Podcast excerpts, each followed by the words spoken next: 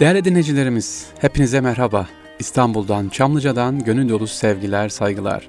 Bir İstanbul'un sırları da programda daha sizlerle birlikteyiz efendim. Geçen hafta beğenildi sağ olsun güzel konuklarımız oldu Anadolu'dan.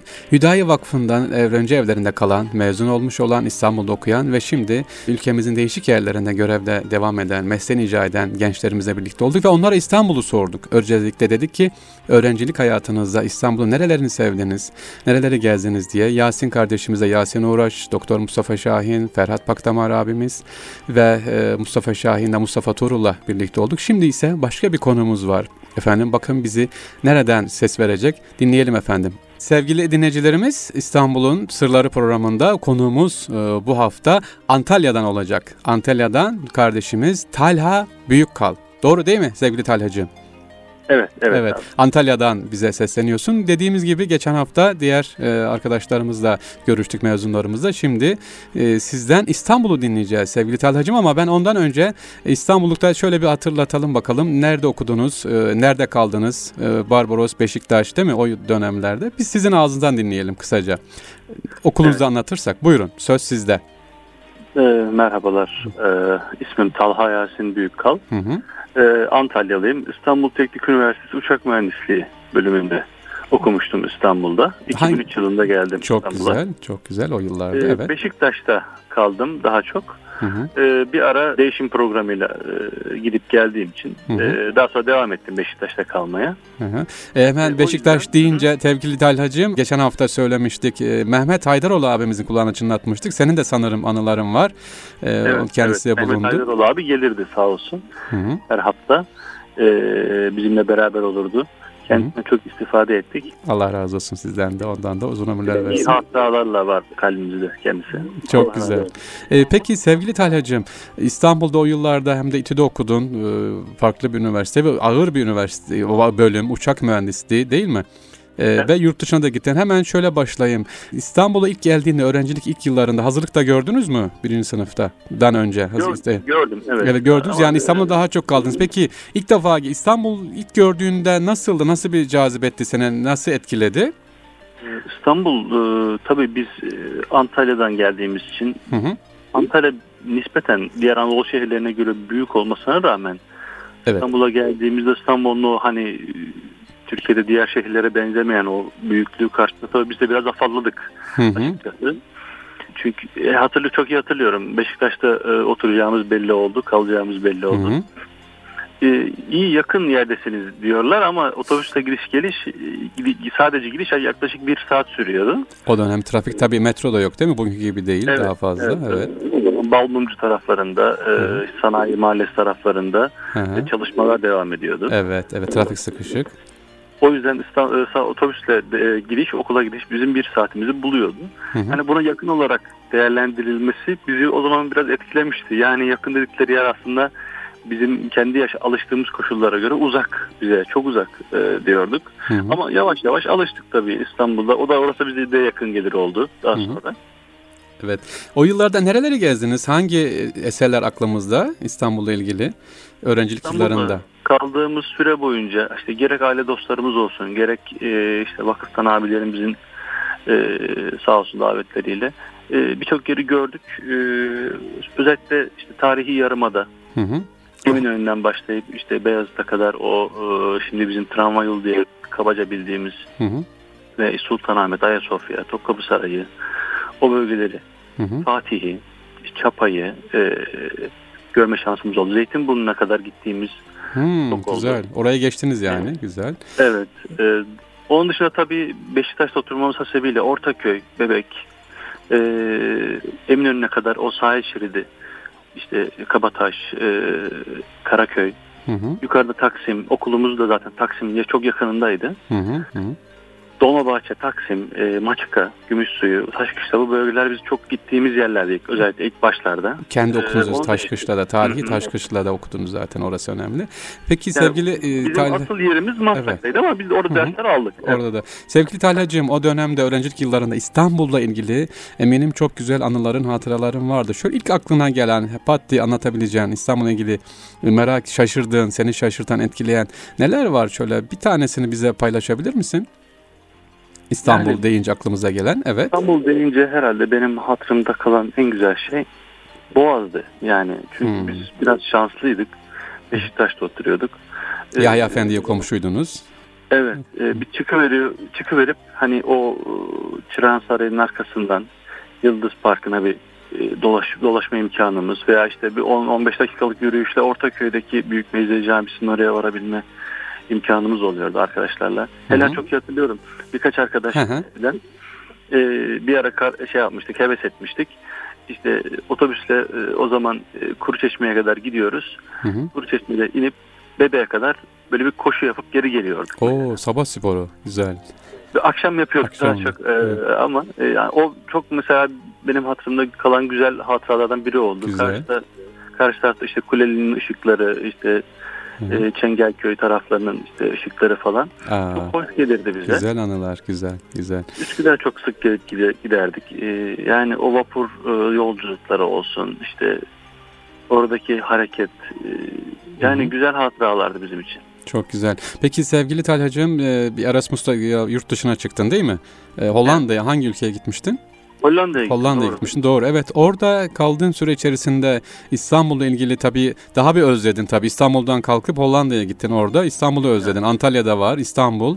E, sana sorular oluyor muydu yabancıların, yabancı öğrencilerin? Aa İstanbul'la ilgili neyi soruyorlardı? Neyi merak ediyorlardı? Yani Osmanlı dönemi mi? Yoksa size diğerleri gibi fes giyiyor musunuz diye soruyorlar hala. Yoksa neler soruyorlardı öğrenci arkadaşların, yabancı öğrenciler? Ee, açıkçası e, Türkiye ile ilgili algının Hı hı. eskisi kadar kötü olmadığını fark ettik. Çok güzel. Hı hı. Yani e, hani o tarz e, amiyane gibi tabirlerle işte size deve var mı, giyiyor musun gibi sorular olmadı ama Hı hı, hani İstanbul'a gidersek nereye gitmeliyiz? hı hı. Ee, özellikle ben tabii turistlerin daha çok tercih ettiği yerleri söylememe rağmen bir, bir, kişi, bir kişi özellikle şunu sormuştu. Yani biz Güzel. İstanbul'a gitmek istiyoruz ama İstanbul'da yaşayan insanlar gerçekten hani nerelere giderler? On, oraları da merak ediyoruz. Hmm. Ee, normal insanlar nerelerde dolaşırlar? Onların gittiği, gezdiği yerler nerelerdir gibisinden. Harika bir soru. Bak turistik yerleri Oluyor, değil de evet. İstanbul halkı diyor nereye gider, neyi severler biz onu görelim diyorlar. Ha güzel. Evet, Evet, evet. Bu tarz şeylerle karşılaştık. Hı hı, güzel. E, peki sevgili Talhacığım son olarak e, e, şu anda okuyan öğrencilerimiz var. E, İstanbul'da okuyan değişik yerlerde işte gelen İstanbul'a gelenler var. Neler tavsiye edersin? Nereleri görsünler, gezsinler? Ee, mutlaka e, öncelikle tarihi yarımadayı, Hı hı. yani mümkün mertebe e, eski mahalleleri dahil olacak şekilde Evet.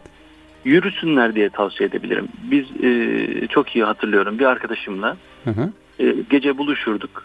Gece. E, gece Güzel. aynen de biraz enteresan bir arkadaşımdı. Güzel. Gece biz 12'de Fatih'te buluşurduk. Yürüye yürüye Beşiktaş'a gelirdik. Hı hı. İşte o Bal, e, Balat'tan, e, Eminönü, güzel. Eminönü, Karaköy, o tramvay yolundan daha sonra takip ederek yavaş yavaş ka- işte Kabataş'ta çay içerdik polislerle beraber falan. Aa bak bunları ben yeni duyuyorum ha. Güzel. Evet. Doğrudur. Evet. E, Fazla yapamadık ama çok e, hatırası oldu. Hı hı. E, Yani yürüyerek gezin diyorsun öğrenci kardeşlerimize. Yürümelerini tavsiye ederim. İstanbul yürümek için çok güzel bir şehir. Harika, güzel bir tespit. Biz İstanbul'da kaldığımız zamanlar fitmişiz diyoruz. Çünkü hep Hı hı. yürüyorduk. Şimdi e, yerleşik hayata geçince, masa başı işte oturmaya başlayınca Hı hı hı. hı. ister istemez sıkıntılar oluyor. Yani o günleri özlemle anıyoruz bu sayede. Ee, özellikle tarihi yaramada içinde e, çeşitli mahalleleri mesela bu siz söylemiştiniz ya Hı. hatırlıyorum e, dünyada bahçesinden tren yolu geçen tek saraydır belki. Çok Sarayı. doğru, haklısınız. Bak altında kalmış. Teşekkürler. Bunun devamındaki işte mahalleler var işte e, Çatladı Kapı var, Ahır Hı hı, Kapı var, doğru. ya bu tarz mahalleler var. Biz o yoldan mesela yürüdüğümüz oldu. Hı hı. E, Sarayburnu can kurtaran dolaşıp Eminönü'ne geldiğimiz gerek Anadolu yakasına gerek Avrupa yakasına o Beşiktaş taraflarında yürüdüğümüz bebeğe kadar ilerisine kadar yürümelerini tavsiye ederim. Çeşitli yerlere İnşallah. e, Boğaz kıyısındaki gitmelerini tavsiye ederim. İnşallah. Üsküdar'ı mutlaka görmeliler kardeşler. E, Sarıyer özellikle. Mesela ben Sarıyer'i çok severim. Hmm. E, Yapamadığım bir şey belki şey vardı. Nedir E, o? Dilenci vapuru diye tabir edilen bir vapur var. Doğru. Her, her iki kıyıya uğraya uğraya gitti. Ona Doğru. binemedik. Ha, inşallah. Aklımızda kalmıştır. İnşallah nasip olursa. bekleriz, ona bekleriz. Bilmek isteriz biz de. Kardeşlere de tavsiye ederiz. Tamam. Sevgili Talha Yasin Büyükkal efendim çok e, teşekkür ediyoruz. Bize Antalya'dan Ben ses verdi. ederim. Sağ olun efendim. Tüm Antalya'ya, siz dostlarımıza ayrı ayrı selamlar, sevgiler diliyorum Talha'cığım. Çok teşekkür ederim. Selam. Aleyküm selam. Sağ olun. Hayırlı günler. Hayırlı günler.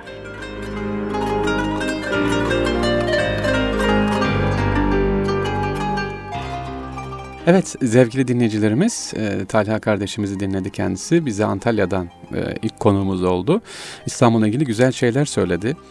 E ne dedi? İstanbul'u yürüyerek gezin dedi. Güzel bir şey bu. Altına çizelim bunun. İstanbul'u gezmek istiyorsanız eğer yürüyerek gezelim, görelim.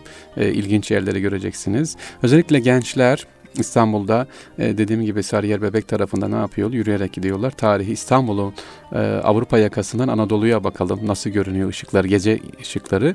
E, başka bir şey daha çıktı ortaya. İstanbul'un gece gezmesi. Benim daha önceki programlarımda belki dinleyicilerim hatırlarlar. İstanbul'un gece gezmesi nasıldır diye. O çok önemli. Onunla ilgili özellikle. Ee, inşallah Allah nasip ederse dediğimiz gibi bu gençlerimizle biz e, yine birlikte olacağız. Anlatacağız inşallah. Evet sevgili dinleyiciler sizlerle İstanbul'un Sırları programımız e, devam ediyor. Bakalım bugün programımızda neler var? İlginç eserleri anlatmaya devam edeceğiz. Sevgili dinleyicilerimiz bakalım bugün neler var neyi anlatacağız. Efendim bugün farklı bir camimiz var onu anlatacağım size. Önce caminin yerini söyleyelim. Değerli dinleyicilerimiz, bu camimizin şerifin e, banisi Muhaşşi yani haşiyeci Sinauddin Yusuf bin Hüsamettin Efendidir. Muhaşşi Sinan Camii diye geçer. Efendim neredeymiş bu cami? Muhaşşi Sinan Camii, Anadolu Hisarı Cami sokakta Göksu Deresi'ne bakan bir tepe üzerinde bulunuyor. Bu böyle kenarda mütevazi bir cami değerli dinleyiciler. Bu camimizin bir özelliği ise, evet burayı lütfen iyi dinleyelim, altını çiziyorum. Güneş saatli minare alemi olması. Yani nasıl hocam anlayamadım. Birinci özelliği şu. Bu camimizde yani Muhaşi Sinaüddin e, Camii'nin minaresine baktığımız zaman alem var ya değil mi? Alem olur her minarenin tepesinde. Ha bu caminin minaresinin tepesinin alemin altında güneş saati efendim vardır bulunmaktadır. Onun e, amblemi baktığımız zaman bugün görürüz. Evet nerede bu? Diğer camilerden farklı olarak. İkinci özelliği bu Muhaşşi Haşiyeci Sinaüddin Camii'nin özelliği ise ikinci özelliği çeşmesi caminin minaresinin kaydesi olmuştur. Yani caminin minaresine giderken cami müezzin efendi ezan okumaya çıkacak. Girişinde hemen ne vardır? Bir tane çeşme vardır. Bu çok ilginçtir. Başka bir İstanbul camilerinde göremezsiniz. İki büyük özelliğini tekrar ediyorum bu camimizin. E, yeri neredeymiş? Anadolu Hisarı Cami sokakta. Göksu Deresi'ne bakan tepe üzerinde bulunuyor. Güneş saati olması minaresinde, alemin altında ve e, caminin minaresinde, kaydesinde e, çeşme olması değerli dinleyiciler. E, peki kimdir bu zat kimdir? Sinan Efendi kimdir? Muhaşri Sinan Efendi. Bu şerif, cami şerifin banisi e, Sinayettin Yusuf bin Hüsamettin Efendidir. E, 1488 yılında Amasya sancağında Sonusa köyünde doğuyor efendim. Asıl adı Sinayettin Yusufoğlu, babasının adı Hüsamettin, dedesinin adı İlyas bu zatın. Ama özelliği nedir? Kendisi niye Muhaşşi lakabıyla anılıyor? Ee, kendisi özellikle e, yaptırmış olduğu e, eserlerden dolayı e, değerli dinleyicilerimiz bu eserleri hangisidir o? Beyzavi'nin Envarü Tenzil adlı meşhur tefsirine yazdığı hacimli haşiyeden dolayı, açıklamadan dolayı. Niye muhaşi denilmiş? Sinan Efendi'nin Beyzavi'nin Entvarül Tenzil adlı meşhur tefsirine yazdığı hacimli haşiyeden dolayı kendisine muhaşşi denmiş. Bu camimizin tekrar ediyorum özelliği aleminde güneş saati olması ve minarenin kaydesinde de çeşme olmasıdır. Bu zatın başka bir özelliği efendim Kanuni Sultan Süleyman ile sefere gidiyor. İstanbul kadısı oluyor ve İstanbul kadısı olduktan 10 gün sonra e, Anadolu kazeskeri oluyor. Kanuni Sultan Süleyman ile birlikte Tebriz seferine katılıyor. Ee, Sinan Efendi değişik hizmetlerde bulunuyor ve kendisine en son efendim 70 yaşlarında İstanbul'da Şeyhülislamlık makamı teklif ediliyor 1575'te fakat yaşlılığı sebebiyle bu vazifeden ayrılıyor kabul etmiyor. Sadece kısa bir süre duruyor. İstanbul'da 1578 yılında vefat ediyor.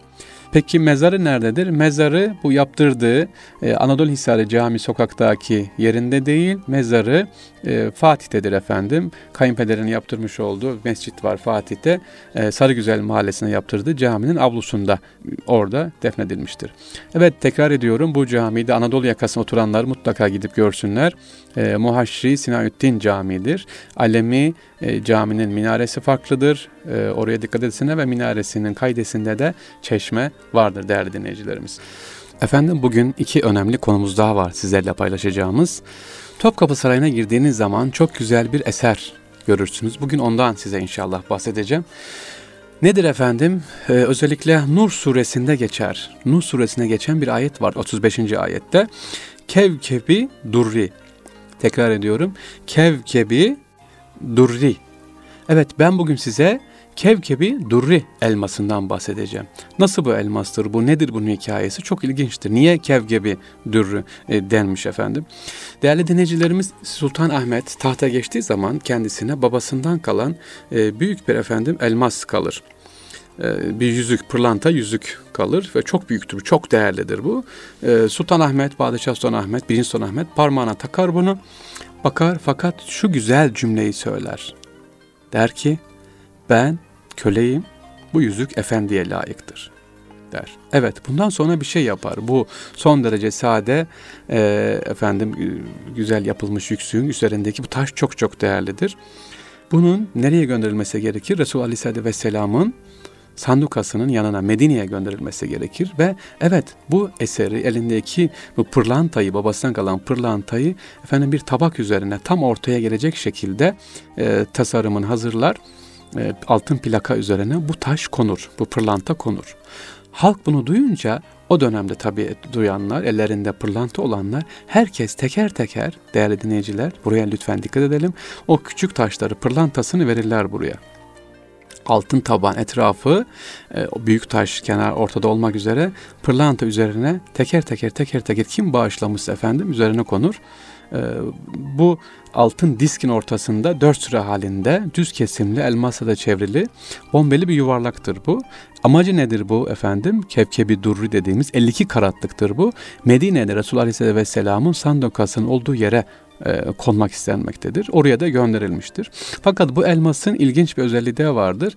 E, tam üstünde Kevkebi durun üzerinde o dönemin paşasının da bir tane parmağından yüzüğü çıkarır. Büyüktür o biraz daha büyüktür.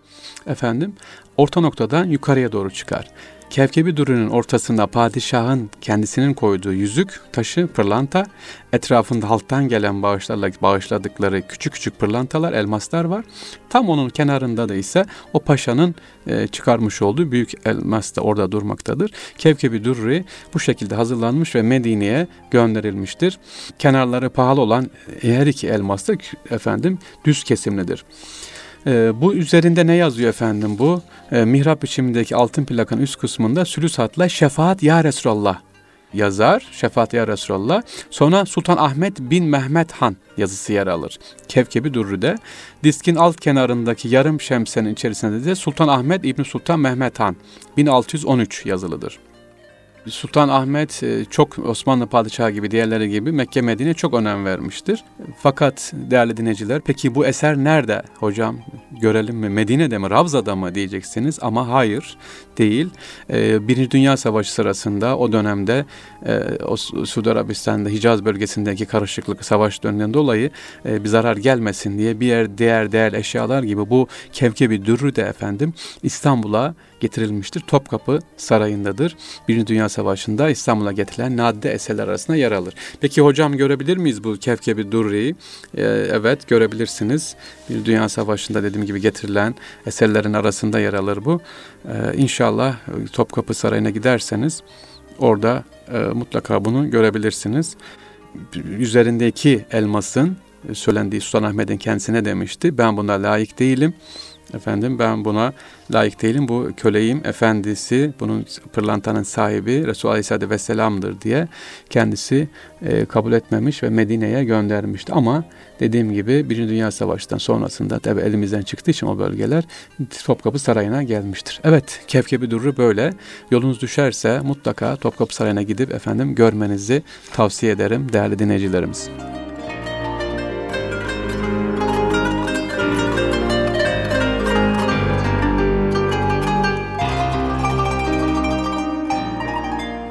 Sevgili dinleyicilerimiz, bir başka konumuz daha var şimdi elimizde. İlginç, İstanbul'u anlatıyoruz ama İstanbul'da Fatih Sultan Mehmet Camii'nin e, türbe Hazire tarafına giderseniz orada bir türbe daha var. Gazi Osman Paşa'nın türbesi. Gazi Osman Paşa ve sizi alacağım Londra'nın kuzeyine götüreceğim efendim.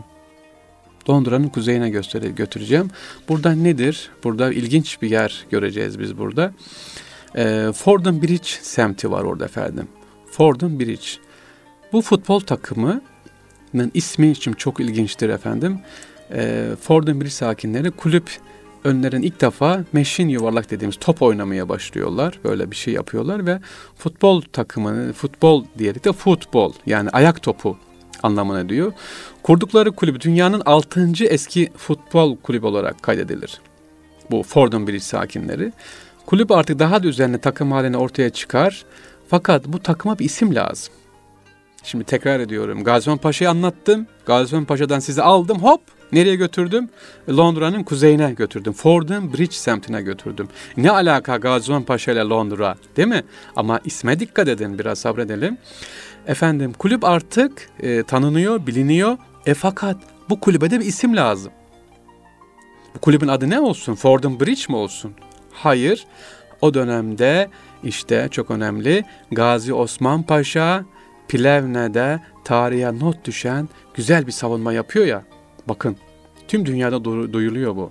Gazi Osman Paşa Plevne savunması dilden dile dolaşıyor. İşte Fordham Bridge futbol takımının e, adı bakın ne oluyor efendim o tarihte. Osmanlı ordusunun dünyaya tarihe geçen bu Plevne savunmasından dolayı takımlarına Come on Turks ya da Live Long Turks ismi söylüyorlar. Tezahürat yapıyorlar. Yani buraya gel Türk, çok yaşa Türk diye Turks söylüyorlar. O kahramanlıktan dolayı e, seyirciler tezahürat yapıyor.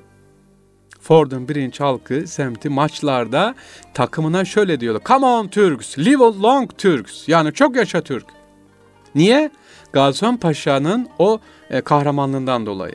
Ve takımın adı ne olur sevgili dinleyiciler? Fordham Bridge Turks. Evet.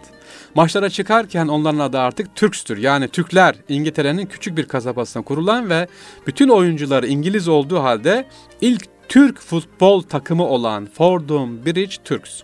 Bunu biliyor muyduk? Evet tarihler 1881'i gösterirken dünyanın ilk futbol kupalarından biri olan Basingstoke kupasını kazanarak adını ülke çapında da duyurur. Fordham Bridge Turks. Şimdi diyeceksin sevgili hocam bu takım hala var mı? Tabii ki var. Tabii ki var değerli dinleyiciler. Ben e, 1988'de Londra'da bir yıl kaldım eğitim için gittiğim dönemlerde bu takımda e, maçlara katılıyor. Bilinen bir takım Fordham Bridge Türk takımı. 1881'de ilk defa kupasını alıyor ve e, ne yapıyor? İngiliz ordusu Çanakkale'nin önlerinde Türk askeriyle karşı karşıya bakın 1914'te. İngiliz kamuoyunda Türkler artık düşman. Değil mi? Daha önce bizi seviyorlardı. Birinci Dünya Savaşı Çanakkale'de ne oldu? Ama dikkat edin halk ne diyor? Londra halkı, kamuoyu, e, Türkler bizim düşmanımız. Neden hala Fordham Bridge Türk diyoruz? diye baskı yapıyorlar. Adını değiştirin diyorlar. Özellikle Kurtuluş Savaşı'nı da kazanmışız. Artık ön tarafa gelmişiz efendim. Savaş bitmiş. Ee, Türkiye Cumhuriyeti kurulmuş. Hayır. Bakın. Hayır futbol takımı ayaktırıyor. Fordham Bridge Turks adını değiştirmiyor efendim. Bugün bile hala Fordham Bridge adı 127 yıllık efendim e, takım hala devam ediyor. Peki bu takımın özelliği ne? Türklerden habersiz belki şu anda beni dinleyen değerli dinleyicilerimiz belki haberi yoktur veya yeni haber oluyordur. Bilenlerin içinde hatırası biraz tekrarlanmış olacak. Türklerden habersiz Türk adını alan ve Türk bayrağını amblemi yapan Türk bayrağını amblemi yapan 127 yıllık Fordham Bridge Türk Kulübü her hafta sonu yapılan maçlarda taraftarlar yine 127 yıl önceki gibi haydi Türkler savunun Türkler geliyor tezahüratlarıyla takımlarına destek vermeye devam ediyor. Evet sevgili dinleyicilerimiz bu çok önemli bir bilgi, çok önemli bir İstanbul'un güzelliği değil mi efendim? Gazi Osman Paşa'nın türbesi nerede? Fatih'te. Peki niye ona Türk adını vermişler? Londra'nın kuzeyindeki bu Fordham Bridge semtinde Gazi Osman Paşa'nın Plevne'de yaptığı bu o kadar etki getiriyor ki dünya üzerinde Londralılar onlar takımlarına bu ismi veriyor. Hem de Türk amblemini koyuyorlar. Ve baskı yapıyorlar diyorlar ki Birinci Dünya Savaşı'nda biz Türklere yenildik. E, onlar bizim düşmanımız. Değiştirin Türk adını. Hayır diyorlar. Bu yıllık e, yıllardır bizim kullandığımız bir takım adı değiştirmeyiz. Türk bayrağı ve Türk ismi bugün bile hala devam ediyor sevgili dinleyicilerimiz.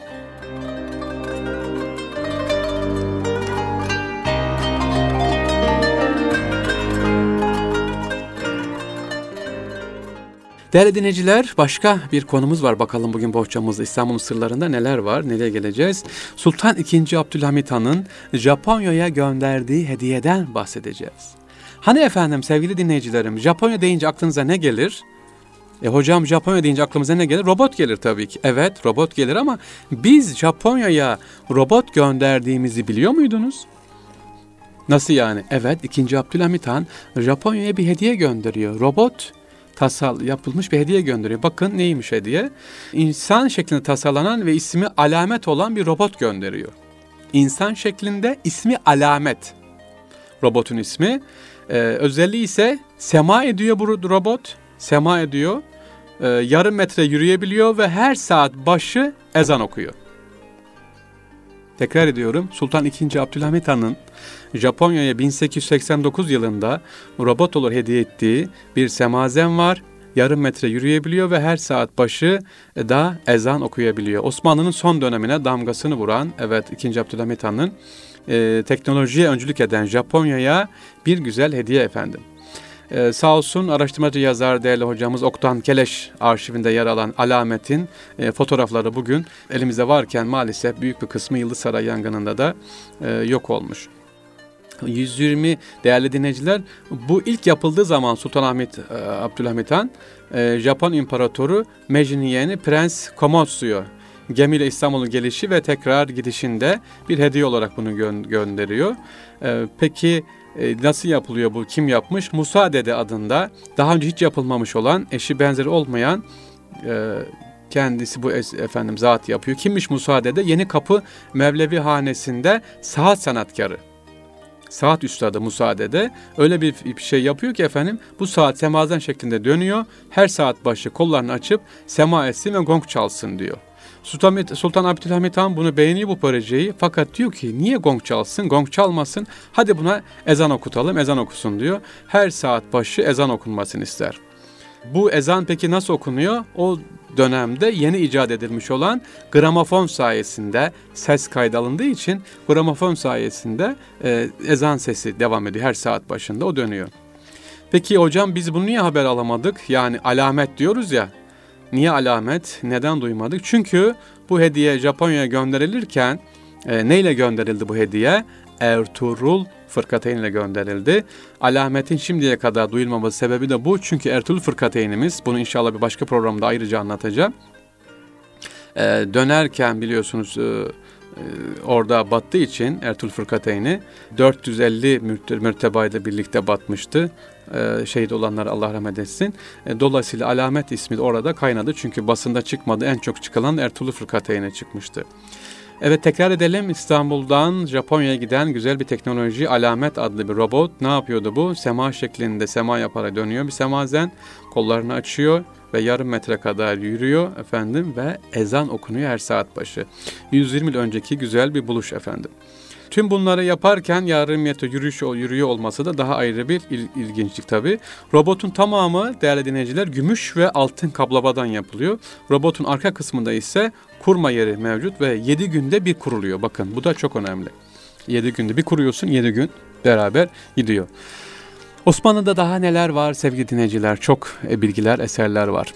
Evet sevgili dinleyicilerimiz bir İstanbul'un Sırları programının daha sonuna geldik. İnşallah haftaya başka bölümlere de yine sizlerle birlikte olacağız. İnşallah nasip olursa konuklarımız olacak.